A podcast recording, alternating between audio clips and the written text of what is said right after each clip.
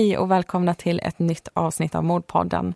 Vi vill börja med att tacka vår samarbetspartner Kids Brand Store som är med oss även den här veckan. De har massvis med kvalitetskläder för barn och ungdomar. Och någonting mer som är grymt är deras snabba leveranser.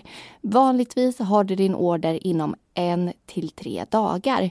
För det är annars det som jag kan tycka är lite jobbigt med att handla online. Att man inte får varan i handen på en gång när man hittar något man verkligen vill ha. Men beställer man från kidsbrandstore.se så går det alltså väldigt, väldigt snabbt. Och med rabattkoden Mordpodden så får du dessutom 20 rabatt på ordinarie pris. Så tack så mycket Kids Brand Store. Och med det så rullar vi igång veckans avsnitt.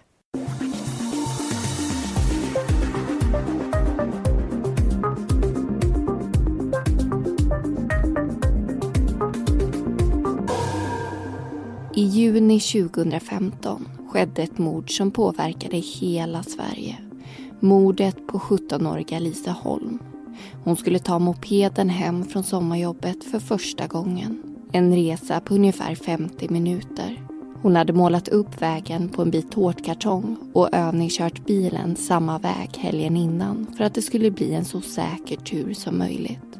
Hon skickade ett sms till sina föräldrar precis innan hon skulle åka men hon kom aldrig hem. Resan hann inte ens påbörjas. En man vid namn Nerius hindrade henne han begick ett mord som skulle sätta spår i hela Sveriges befolkningshjärtan. Du lyssnar på Mordpodden, en podcast om den mörka verkligheten. I den elfte säsongen berättar vi om fall från Västergötland och i veckans avsnitt ska du få höra om mordet på Lisa Holm.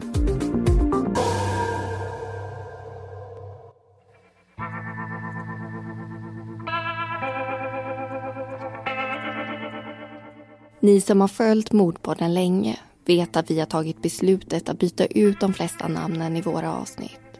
Men i det här fallet är det omöjligt. Lisa Holm är ett namn på en ung tjej som smugit sig in i de flesta människors hjärtan.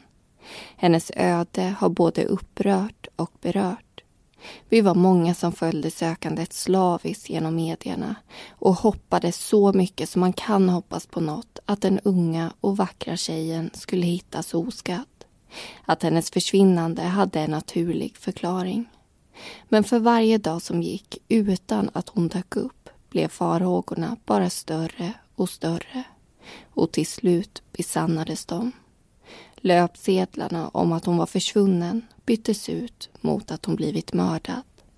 En stor sorg sköljde över hela landet som en kraftfull flodvåg. Få fall har berört så mycket som Lisa Holms fall har gjort. Och det här är vår berättelse om det som hände. Året är 2015. Vi befinner oss utanför Skövde. Här bor 17-åriga Lisa den som träffar henne för första gången upplever henne säkert som blyg och lite tyst. Hon sitter helst och bevakar samtal och tar inte så stor plats själv. Rädd för att vara till besvär. Men om man lär känna henne på riktigt så hon blir trygg i sällskapet kommer man få träffa en riktig super-Lisa. Hon blommar ut och bjuder på en varm humor och mycket skratt. Hon är mån om att vara alla till lags och vill att människor runt omkring henne ska må bra. I skolan ställer hon mycket frågor och är inte rädd för att säga vad hon tycker. Även om hon den senaste tiden har tonat ner den sidan av sig själv en aning. 17-åringen är en typiskt duktig flicka. Hon dricker inte alkohol, går sällan på fest och presterar bra i skolan. Och nu har hon dessutom fått sitt allra första sommarjobb. Du kanske själv kommer ihåg den känslan.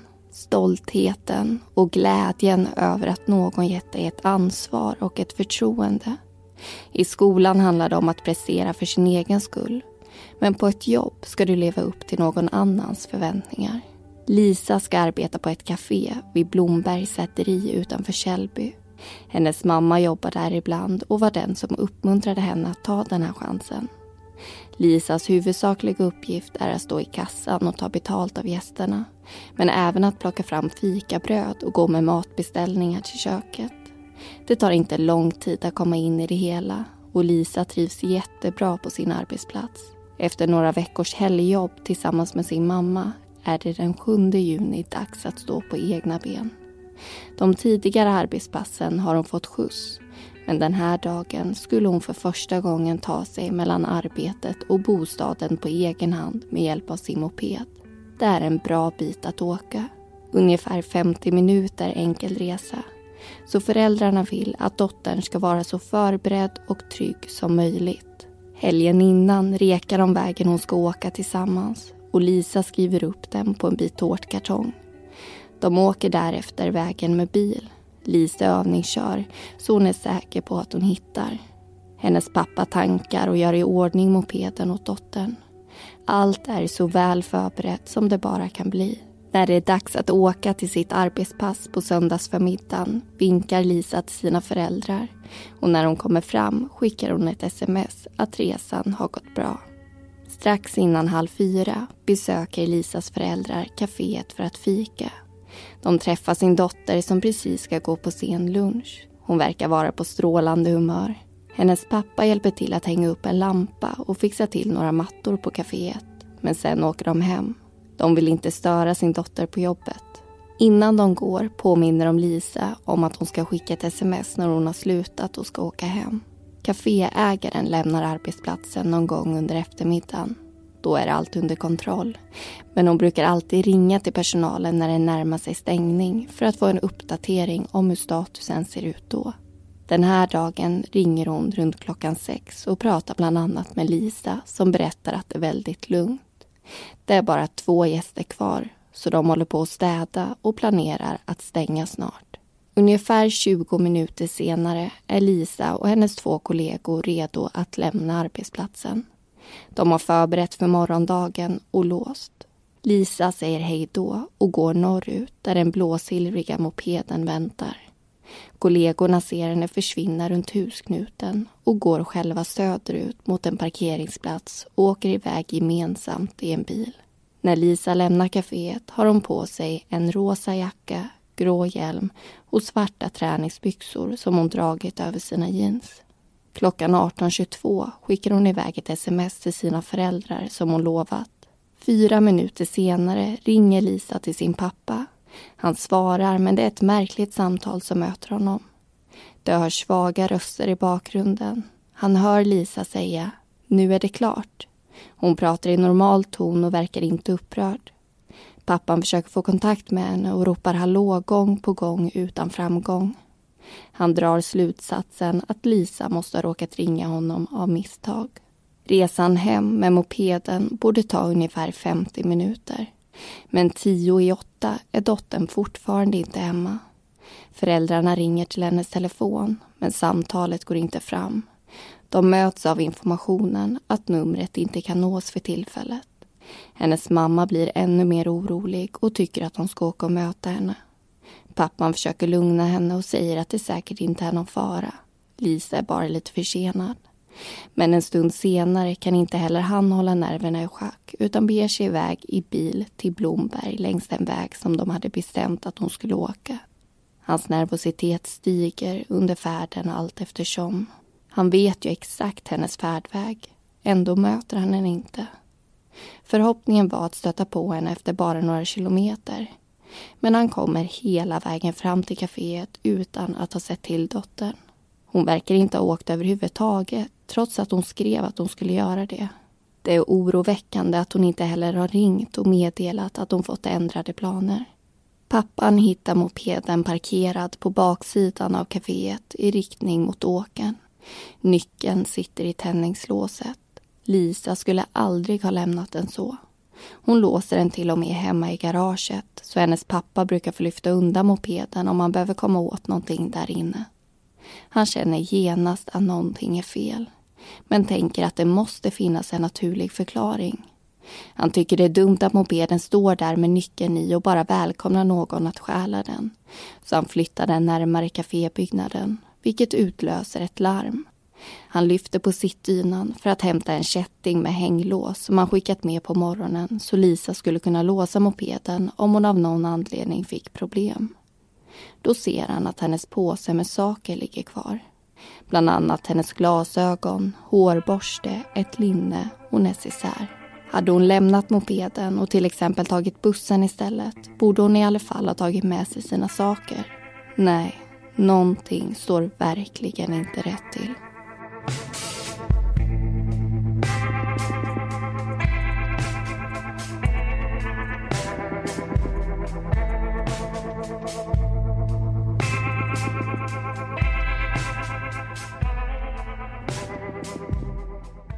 Ja, då har vi hört på den första berättelsen i fallet om Lisa Holm. Och flera av er tycker säkert att det redan finns mycket poddar, tv-program och eh, också artiklar om det här fallet, att vi kanske inte kan tillföra någonting nytt. Men sanningen är ju att det här är nog ett av de mest önskade fallen vi har haft sedan vi drog igång podden. Alltså därför valde ju vi att eh, ta upp det, trots att så många har hört och läst om det tidigare. Och det är ju något eh, väldigt speciellt med just Lisa Holm. Som vi berättade i början av avsnittet så fångade verkligen det här fallet hela Sveriges intresse och den här 17-åringen fångade hela befolkningens hjärta hjärtan skulle jag säga. Och därför tycker jag att det är någonting som vi borde bli påminda om helt enkelt. Och även om vi inte tillför så mycket nytt i eh, den här bevakningen, vilket heller aldrig är vårt syfte. Vi är ju ingen eh, nyhetskanal och vårt syfte är inte och har aldrig varit att gräva upp dolda eller nya detaljer. Utan vi vill ju helt enkelt berätta och förmedla helheten på vårt sätt. Och jag hoppas att de som tycker att de redan har läst och hört tillräckligt om det här fallet inte sitter och lyssnar på mig nu utan helt enkelt hoppar över det här avsnittet och lyssnar nästa vecka istället för att bli arga på oss. För det är ju faktiskt upp till er som lyssnar att välja vilka fall ni vill höra på. Och det är så, så många som har önskat att vi ska ta upp just det här fallet, precis som du var inne på förut. Och det är faktiskt önskemål som vi också vill tillgodose. Mm. Och det här som händer Lisa, det är ett exempel på brottslighet som man egentligen inte kan skydda sig mot. Och det är för många, tror jag, att den absolut värsta typen. Alltså det man går runt och oroar sig för när man ska gå hem sent själv en kväll eller man har mardrömmar kring att någon man inte ens känner ska göra en illa bara för att de just kan. Och Lisa hon hamnar helt enkelt i vägen för en man som bestämmer sig för att göra någonting helt fruktansvärt, alltså någonting som man inte vill tro att en annan människa är kapabel till, men som man ofta vet att de kan göra. Och det går ju precis som du säger inte att skydda sig mot ett sånt här överfall och det går ju heller inte att gå runt och oroa sig för det eftersom risken att det sker är väldigt liten. Men det är ju tydligt att Lisa och hennes familj verkligen gör vad de kan för att dottern inte ska råka illa ut. De ser ju den här mopedfärden som ett stort riskmoment. Och jag känner verkligen igen mig i det här. När jag läste att de hade målat upp vägen hon skulle åka och även provåkt den i förväg så tänkte jag att det verkligen hade kunnat vara jag och min familj. Jag har alltid haft ett väldigt stort kontrollbehov och varit lite rädd för att testa nya saker och kanske misslyckas med det. Så innan jag testar något så vill jag gärna veta att jag kommer klara av det. Typiskt det här ja, men, duktig flicka-syndromet. Så jag har ju själv provåkt många vägar jag ska ta med mina föräldrar innan det är dags att åka själv och behöver alltid skicka sms både innan och efter och sådär. Så jag känner verkligen igen mig i de här förberedelserna. Men det är också det som är det sorgliga, att de verkligen gör allt de kan för att inget dåligt ska hända och så händer det här. Och jag kan ju säga som så att där du var riskmedveten så har jag nog alltid varit lite tvärtom. Alltså jag tänker att jag ska skicka iväg ett sms när jag kommer fram men eh, så kommer någonting annat emellan. Jag glömmer. Jag gör eh, massvis med saker på impuls. Jag tänker mig inte heller alltid för. Eh, men det intressanta i det här är att det spelar egentligen ingen roll om man är som du eller om man är som jag, om man har en familj som Lisas eller om man inte har det. För att det är ju inte vårt beteende som gör att man blir till ett offer eller inte. Alltså det är ju gärningspersonens beteende. Det ligger utanför vår kontroll hur gärna vi än skulle vilja att det var annorlunda. Och Lisas försvinnande det engagerade ju hela Sverige. Vi som var i Småland vi följde ju sökandet i medier. Men det var ju väldigt många som faktiskt också var på plats och som fysiskt hjälpte till. Och det här blev ju faktiskt Missing Peoples största sökinsats någonsin. Engagemanget var helt enormt. Så frågan är ju varför egentligen Lisas försvinnande engagerade så mycket mer än vad många andra fall har gjort. Även om de också berör. Alltså vad är det som gör det här fallet till ett så himla stort fall? Ja, det här, man kan ju bara spekulera kring det här.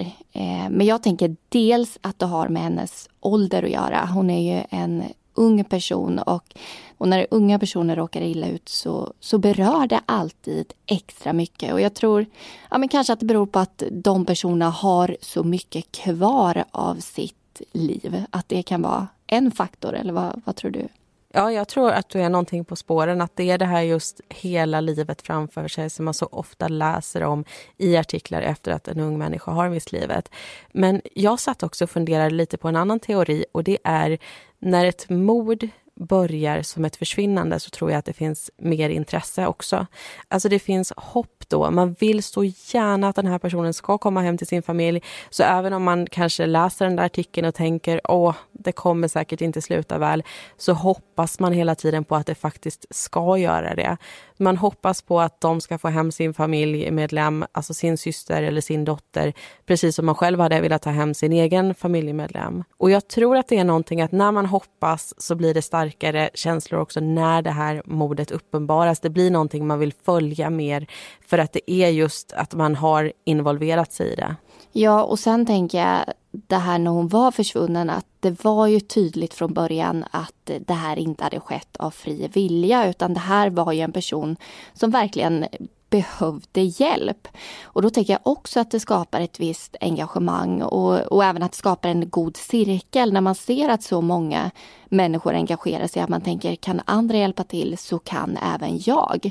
Så att man ja, men kanske då tänker, vad kan jag bidra med? Och så lägger man till den lilla delen och tillsammans så blir det här någonting enormt. Och sen tänker jag också på att det här är en liten ort och, och då kommer man ju också närmre det här känslomässigt. Att många där vet ju vem Lisa är eller kanske har barn på skolan hon gick på och sådär. Och då känner man också att det kunde faktiskt ha hänt eh, någon jag känner eller, eller min dotter eller min syster och att man då helt enkelt vill hjälpa till. Men det är ju otroligt fint och starkt trots att det här handlar om någonting fruktansvärt. Och det här fallet skapade ju någon slags gemenskap. Alla hjälptes åt och gjorde vad de kunde för att jobba mot det gemensamma målet som ju var att hitta Lisa. Människor tog ledigt från sina jobb, företag körde dit mat och vardagen sattes på något sätt på paus. Det var som om man kom till insikt med att det som annars är viktigt som jobb då till exempel inte är det egentligen, inte i förhållande till något sånt här. Och jag tycker att man läser så mycket chockerande saker saker om att människor som ser någon behandlas illa bara går förbi eller kanske filmar med sin mobil men inte gör någon insats. Och då behöver man också höra om sådana här saker där människor faktiskt bidrar med det de kan. Och det var ju inte bara under själva sökandet som den här gemenskapen heller blev tydlig, utan det var ju också efter att Lisa hade hittat stöd. Då övergick ju hoppet som vi pratade om innan och kämpaglöden till en väldigt djup sorg. Och den här sorgen, den bearbetade man ju också på något sätt tillsammans. Det var många människor som samlades på olika ställen för att reflektera över det som hänt, men också för att, för att minnas Lisa och för att finnas där för varandra. Och det här blev ju en, en, ganska sentimental diskussion kanske. Vi brukar ibland bara fokusera på fakta och information. Men jag tror faktiskt det kan vara nyttigt att varva med sånt här prat ibland också. För ett sånt här fall, det väcker ju enormt mycket känslor och tankar och det bör man också få prata om tycker jag. Och med det så tycker jag att vi rundar av den här diskussionen och vi beger oss tillbaka in i berättelsen. Och alldeles strax så ska vi få höra vad som händer i Lisa Holm-fallet härnäst. Vi är väldigt glada över att kunna presentera Continental Däck som Mordpoddens nya samarbetspartner. Det känns ju på ett vis som att sommaren precis var här men tiden går ju alltid fort och vi hoppas att ni har koll på att det faktiskt snart är dags att byta till vinterdäck. Och Continental däck är ju en av världens ledande däcktillverkare och de lanserar faktiskt ett nytt däck nu och det heter Ice Contact 3. Det här däcket har en helt ny typ av dubb som har ett höljut av gummi istället för den vanliga aluminiumkroppen som brukar vara. Och det är inte bara det säkraste däcket på marknaden utan även det tystaste. Och det kanske är någon som är ute och kör bil just nu. Jag misstänker det i alla fall. Jag brukar dra igång en podd när jag är ute och kör och då är det väl fantastiskt att inget buller kommer att förstöra lyssnarupplevelsen. Och att det här är ett bra däck, det är inte heller någonting som vi sitter här och hittar på, utan de har ju faktiskt blivit testvinnare i vinterns stora däcktester i Vi bilägare och i Teknikens värld. Och vill ni veta mer om det här så är det bara att kika in på continental.se. Om ni vill ha ännu mer Mordpodden publicerar vi varje månad ett exklusivt avsnitt hos Podmi. Där berättar vi om fall som ni lyssnare har önskat.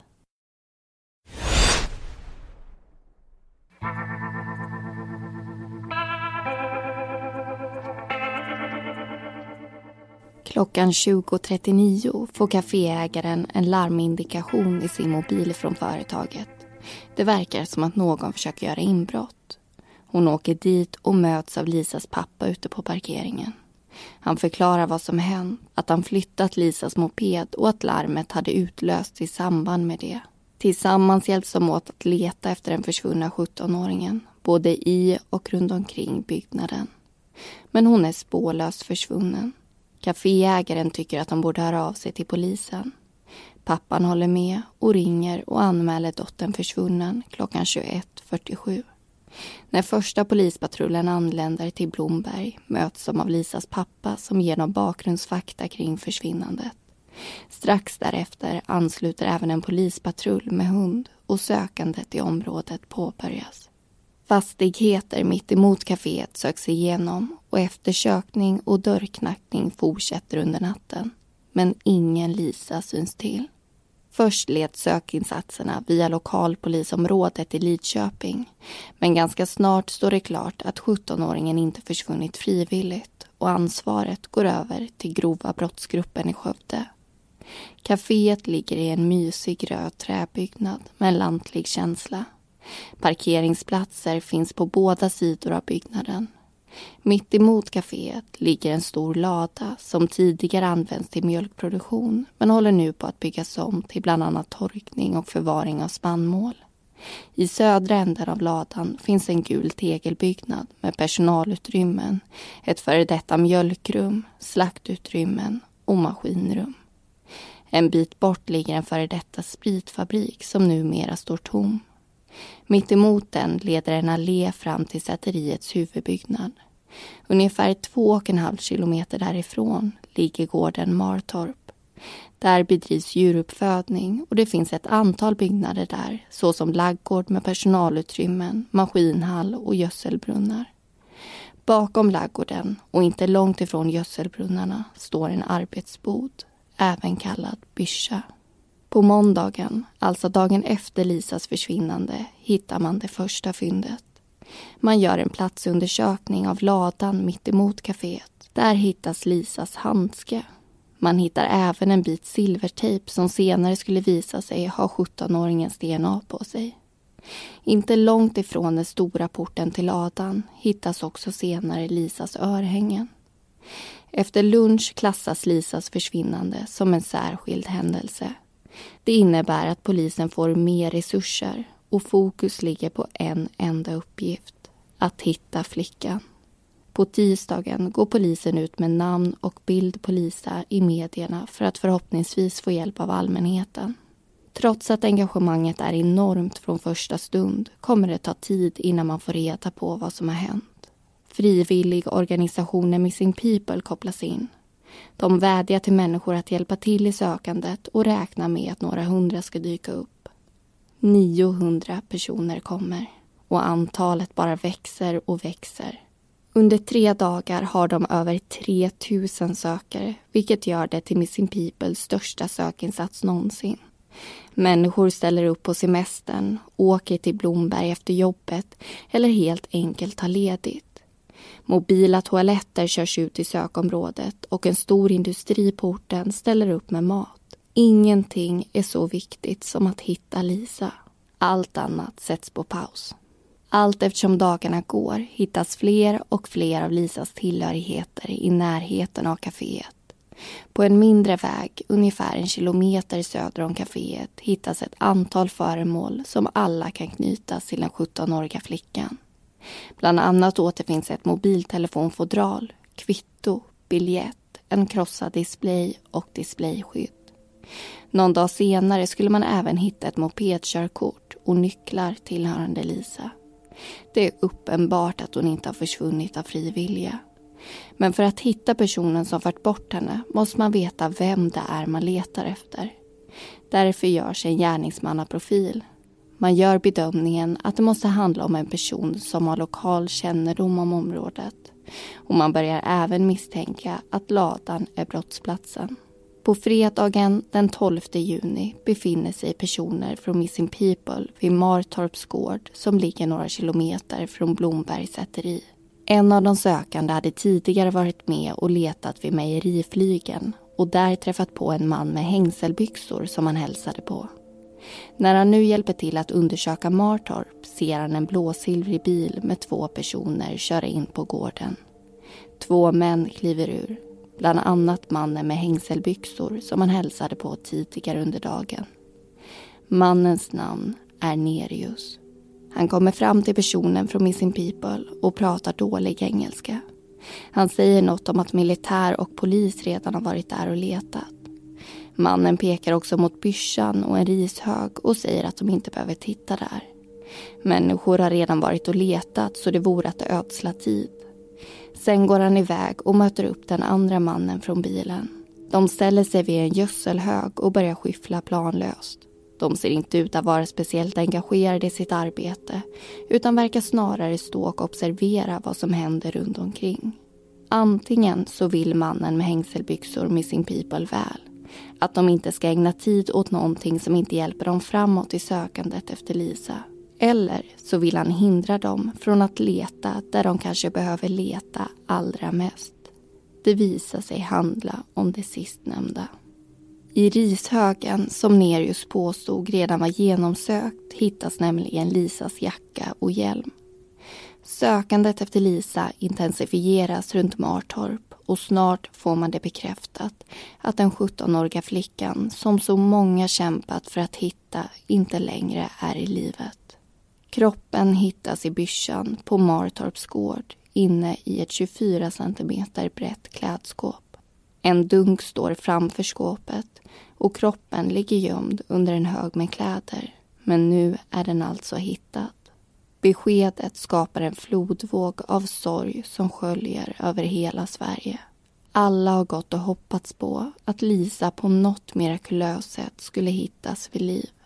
Att den hemska historien på något sätt ändå skulle få ett lyckligt slut. Hoppet släcktes inte förrän det stod med svarta versaler på löpsedlarna att Lisa var död. På kaféet samlas alla som jobbar där tillsammans med sina familjer. Ett lugn och en tystnad sprider sig i lokalen samtidigt som tankar och känslor vandrar fritt inom dem alla. Ilska, sorg, förtvivlan, saknad. Allting kommer på en och samma gång. Men de omfamnade i alla fall tillsammans. Utanför dörrarna växer sig ett hav med blommor, bara större och större. Bland alla vackra växter finns också handskrivna brev och hälsningar till den för alltid saknade och älskade Lisa. På Skaraborgspolisens sida på Facebook publiceras ett inlägg som delas över 17 000 gånger. Det inleds så här. En stor vältränad man vars rygg det står polis på sitter och skakar och gråter bakom ett uthus. En vitblek tekniker stirrar hålögt ut i tomma intet och en hundförare har borrat in sitt ansikte i hundens päls. Platsen är Kinnekulle och för en stund sedan har beskedet om Lisa kommit. Inlägget talar för sig självt. När man läser en utredning och får ta del av all bevisning och alla förhör är det lätt att tro att människor som jobbar med det här är lika kalla som bevisningen själv. Deras yrkesroll går ut på att objektivt fokusera på det som ska leda fram till att rätt gärningsperson straffas för sin handling. Men bakom den rollen finns riktiga människor med riktiga känslor. Och när en 17-årig flicka som haft hela livet framför sig hittas död går ingen oberörd. Att just Lisa blev offret i det här fallet var en slump. Hon hade aldrig träffat mördaren förut. Det kan däremot en annan kvinna ha gjort dagen innan Lisa mördades. Det är lördagen den 6 juni. Vera, som är svärdotter till ägaren av Blombergs säteri, är ute och joggar. Hon befinner sig på vägen som går mellan Källby och Blomberg. Vid ett litet elhus står en bil parkerad på höger sida av vägen. En bit ifrån bilen står en man. När Vera springer förbi ropar han på henne och vinkar. Hon tycker att det är någonting bekant med honom. Kanske jobbar han för hennes svärfar. Mannen kommer emot henne och Vera springer över vägen för att ta reda på om han behöver hjälp med något. På knacklig engelska frågar mannen efter en vägbeskrivning. Vera tar upp en karta i sin mobil men mannen avbryter henne och säger att han inte förstår. Han vill att hon ska följa med honom till bilen och visa på en fysisk karta där istället. Mannen är svettig och verkar ganska stressad vilket får ett obehag att skölja över Vera. Han är inte otrevlig på något sätt men någonting får henne att inte vilja följa med till bilen. Så hon pekar bara åt vilket håll han ska åka och fortsätter sen att springa. Kanske var det samma man som dagen efter berövat Lisa livet. Kanske hade han även bett henne om en vägbeskrivning. Och kanske hade hon också velat hjälpa honom och på grund av det blev hans offer.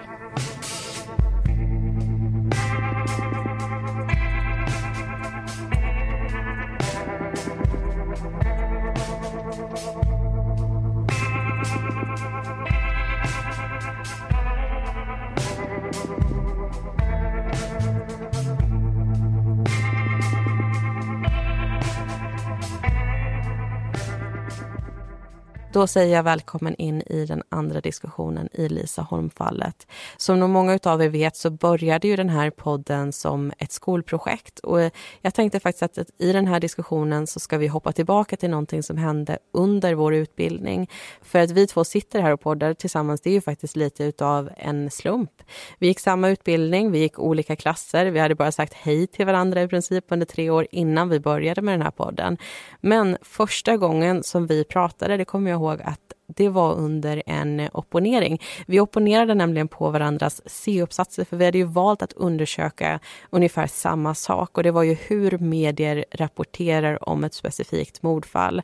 Vilket är lite intressant eftersom vi möttes i det här sammanhanget och sen startade en podd om just det här tillsammans.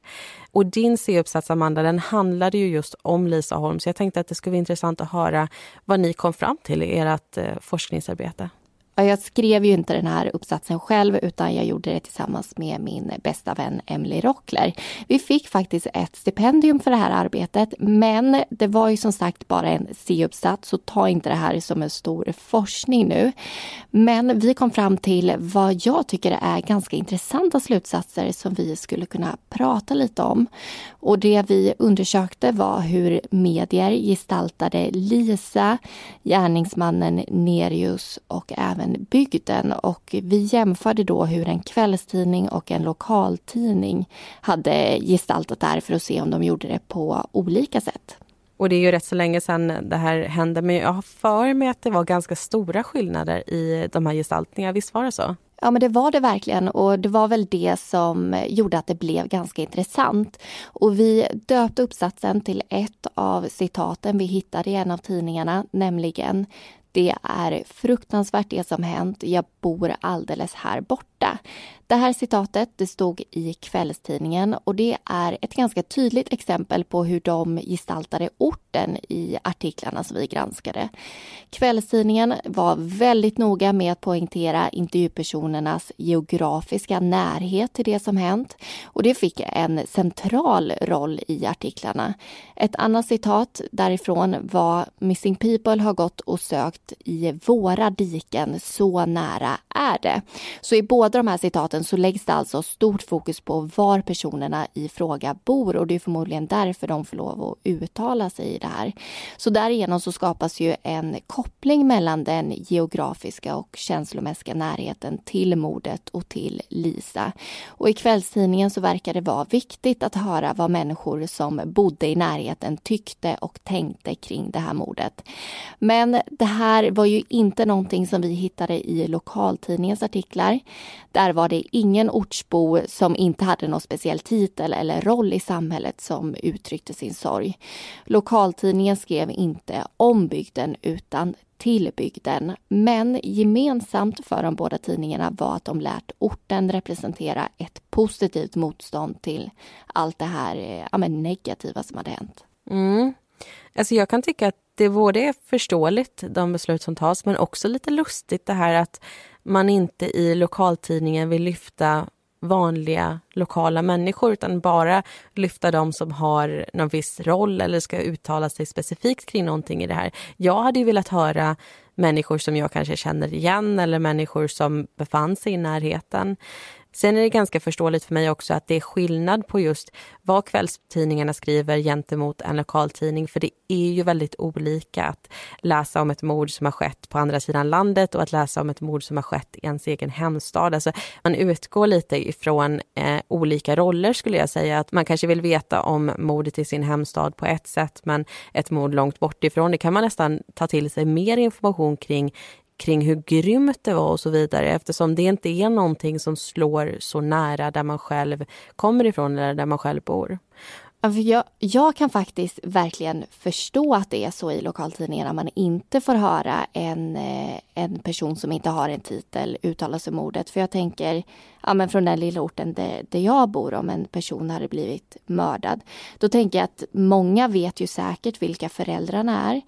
Och då skulle jag tycka det var ganska konstigt om en person som eh, ja, bor i några kvarter bort får säga vad den tycker kring kring mordet för det känns som att det är ju inte relevant. Alla vet vem den här familjen är och det är väl vad de känner som spelar roll. Men om man bor väldigt långt ifrån då blir det ju helt plötsligt ganska intressant vad någon var kvarteret bort tycker och tänker för den är plötsligt väldigt nära. Förstår du hur jag, hur jag tänker? Jag förstår hur du tänker och jag måste säga att jag håller med lite när du beskriver det på det sättet. Jag tänkte nog på ett annat sätt, att jag vill veta mer. Jag vill veta hur det har påverkat människor. Men just när du säger om man utgår ifrån en liten stad, då kanske det inte är någonting som man behöver undra kring. För att det kanske är information som ändå sprider sig och som man vet om. Men är det en större stad vi pratar om, då kanske man vill ha det här även om man bor där själv också. Och om vi går tillbaka till C-uppsatsen så tänkte jag att eh, du ska få berätta lite om just det här, vad man kom fram till eller vad du och Emily kom fram till i gestaltningen av just Lisa. Ja, men I båda tidningarna så gestaltades Lisa som en flicka med väldigt goda och väldigt positiva egenskaper. Hon beskrivs som en person som älskade livet och verkligen ville leva med en ljus framtid i sikte och något som helt enkelt gärningsmannen tog ifrån henne. Men en skillnad det var att eh, i lokaltidningen så fick man, ja, men då fick man lära känna Lisa på ett djupare plan. Inte bara som brottsoffer utan även som person. Kvällstidningen beskrev också hennes positiva egenskaper men gjorde det i samband med att man pratade om brottet hon utsattes för. Och för att ge ett exempel på vad jag menar med det här så beskrevs hon som ordningsam av båda. Men lokaltidningen berättar det i samband med skolan och hennes vardagliga liv medan kvällstidningen beskrev det genom att berätta att hon aldrig skulle ha lämnat mopeden olåst. Och mopeden förknippas ju såklart med hennes försvinnande. Så de beskrev alltså samma egenskaper men på olika sätt i olika sammanhang. Mm. Och det där tycker jag är så himla intressant att se hur vi faktiskt skriver om just offer och eh, gärningspersoner. Och jag tänkte att du faktiskt ska få berätta om gärningspersonens gestaltning härnäst. I båda tidningarna så finns det exempel där Nerius beskrivs som ond och oempatisk. Men kvällstidningen lyfter fram fler hemska detaljer om hur det här mordet gått till medan lokaltidningen är mer återhållsam. Och det som jag tycker är ganska intressant är att det jag sa om gestaltningen av Lisa stämmer även här, fast faktiskt helt tvärtom. I lokaltidningen så beskrivs Nerius egenskaper nämligen enbart i samband med brottet medan här kvällstidningen även beskriver hur han var i vardagliga sammanhang. Så i lokaltidningen är han bara en gärningsperson medan han i kvällstidningen även blir en person. Så det här kan man väl säga är kortfattat vad vi kom fram till i vår lilla undersökning. Men som vi nämnde i början av förra diskussionen så har det skrivits så mycket om det här så det kändes som att det här var ju faktiskt någonting som vi kunde lyfta fram som ingen annan har lyft fram tidigare. Mm. Och nu har vi pratat om eh, lokaltidningens täckning av det här fallet och också en kvällstidningstäckning. Men vi är ju faktiskt en del av det här också eftersom vi väljer att prata om Lisa Holm-fallet. Så vi gestaltar ju i vår podd och det är så nyttigt tycker jag att reflektera kring det här och se hur man faktiskt gör det. För det är ju ingenting man kan komma undan. Skriver man någonting, pratar man om någonting, ja då gestaltar man också någonting vare sig man vill eller inte. Men nu så ska vi lämna den här uppsatsen och gå in på motivet istället. Och vi har ju nu berättat att Nerius är gärningspersonen men vi har ju inte kommit dit i berättelserna än. Men det här anser vi är ett eh, så känt fall att vi tänker att nästan alla känner till det. Och vi, jag vet att vi i något tidigare avsnitt har fått kritik för att vi då avslöjade mördaren i en diskussion. Men då får man komma ihåg att det vi förmedlar är faktiskt riktiga mordfall så vi försöker inte bygga upp det här med någon slags spänning att man själv ska försöka lista ut vem mördaren är utan vi bara förmedlar ju vad som har hänt. Så vi vill bara skicka en påminnelse om att det här är verkliga mordfall ni, ni lyssnar på så det är ju inte det som är det väsentliga att vi ska avslöja en mördare för det det, är inte det det handlar om överhuvudtaget. Och I alla avsnitt så försöker vi också komma fram till varför de här morden har skett. I det här fallet så är det ganska svårt att klarlägga helt. För Nerius han erkänner ju aldrig att han har dödat Lisa Holm så att experterna får ju försöka lista ut det utan hans hjälp. Och trots att det inte finns några tecken på samlag eller samlagsliknande handlingar så tror man ändå att motivet är sexuellt. Det är själva kontrollen över brottsoffret och att utsätta det för dominans som skapar en stark sexuell upphetsning hos personer som begår den här typen av mord. Och de som gör sig skyldiga till ett sexuellt motiverat brott är ju förvånansvärt ofta personer som inte har någon tidigare känd eh, brottslig bakgrund. Så det är ungefär 30 till 40 procent av personer som är ostraffade som begår just den här typen av brott. Och det är ovanligt att dödligt våld mot kvinnor faktiskt har ett sexuellt motiv. För det ska ju inte förknippas med mord som handlar om kontroll och som handlar om svartsjuka, vilket är väldigt många. Men sexuella motiv det förekommer i ungefär 1 till 4 procent utav våra svenska mordfall. Och förövarna är ofta män som faktiskt har arbete, partner och barn. Oftast har de inte någon högre utbildning utan arbetar som till exempel hantverkare eller chaufförer. Och tittar man på personligheten brukar de vara tillbakadragna. Och i en bärbar dator som tas i beslag hos just Nerius så påträffas ungefär 1500 bilder med pornografi och 12 av de här bilderna de är utav pornografi med våldsinslag såsom bundna kvinnor. Det är ju inte en jättestor summa bilder som är utav den typen men man tror ändå att det, det är just det som kan vara motivet. Och med det så beger vi oss tillbaka in i berättelsen och lyssnar på slutet utav det här fallet.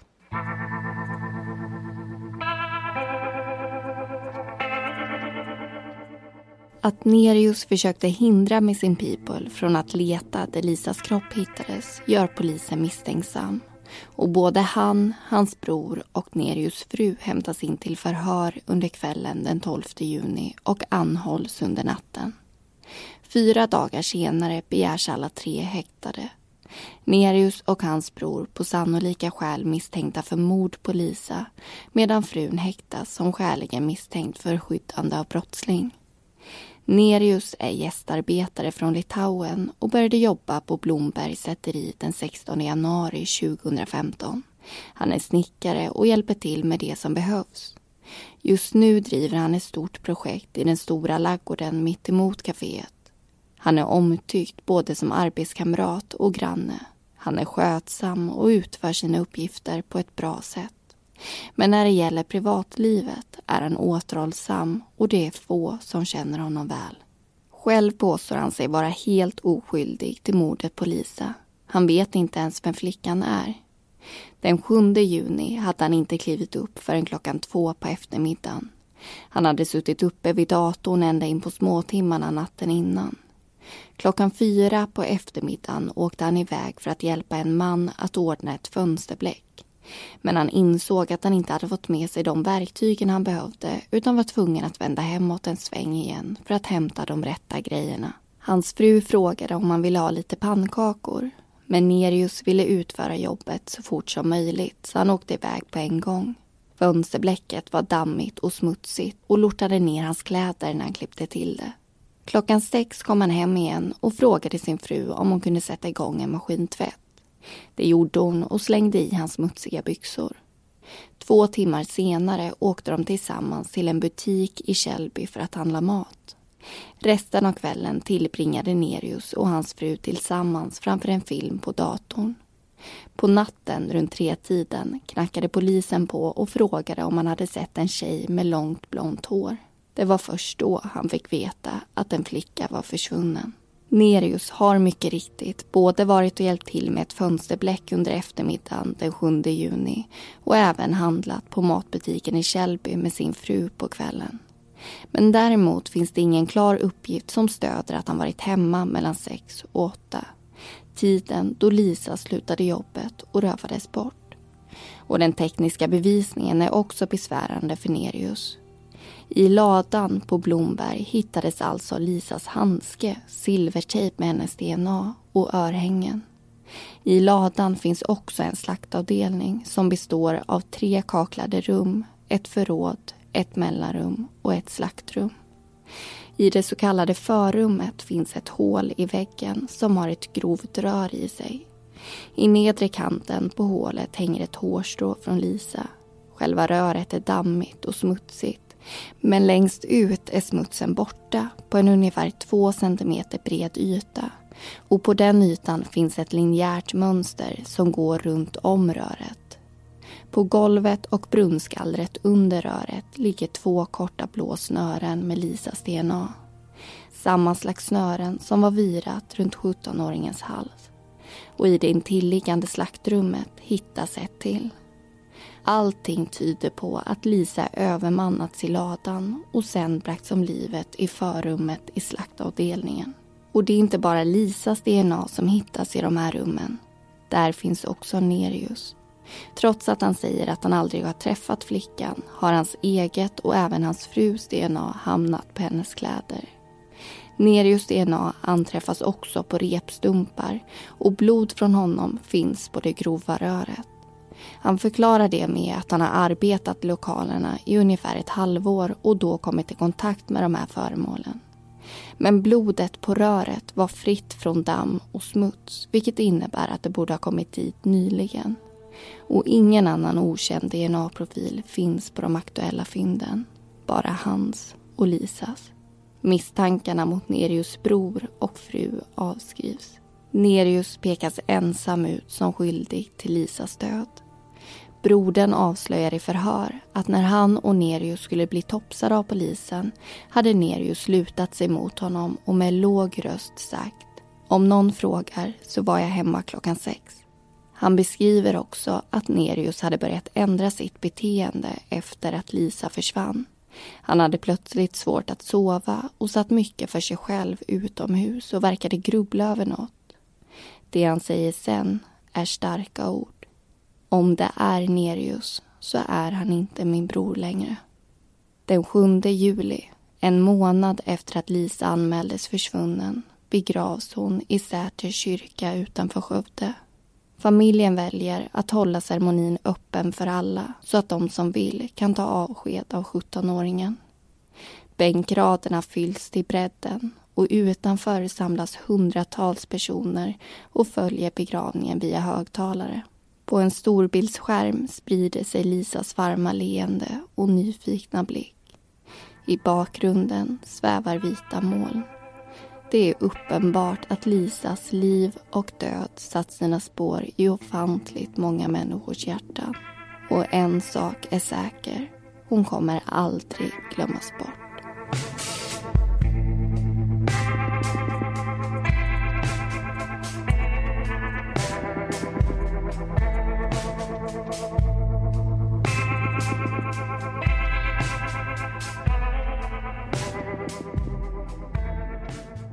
Nerius dömdes till livstidsfängelse. Domen överklagades men Göta hovrätt kom fram till samma slutsats och Högsta domstolen gav inte Nerius prövningstillstånd. Och det var allting vi hade att berätta om Lisa Holm. Alla förutom Lisa och Nerius heter egentligen någonting annat. Informationen är hämtad från domarna och förundersökningsprotokollet och artiklar. Nästa vecka är vi tillbaka med ett nytt avsnitt. Missa inte det.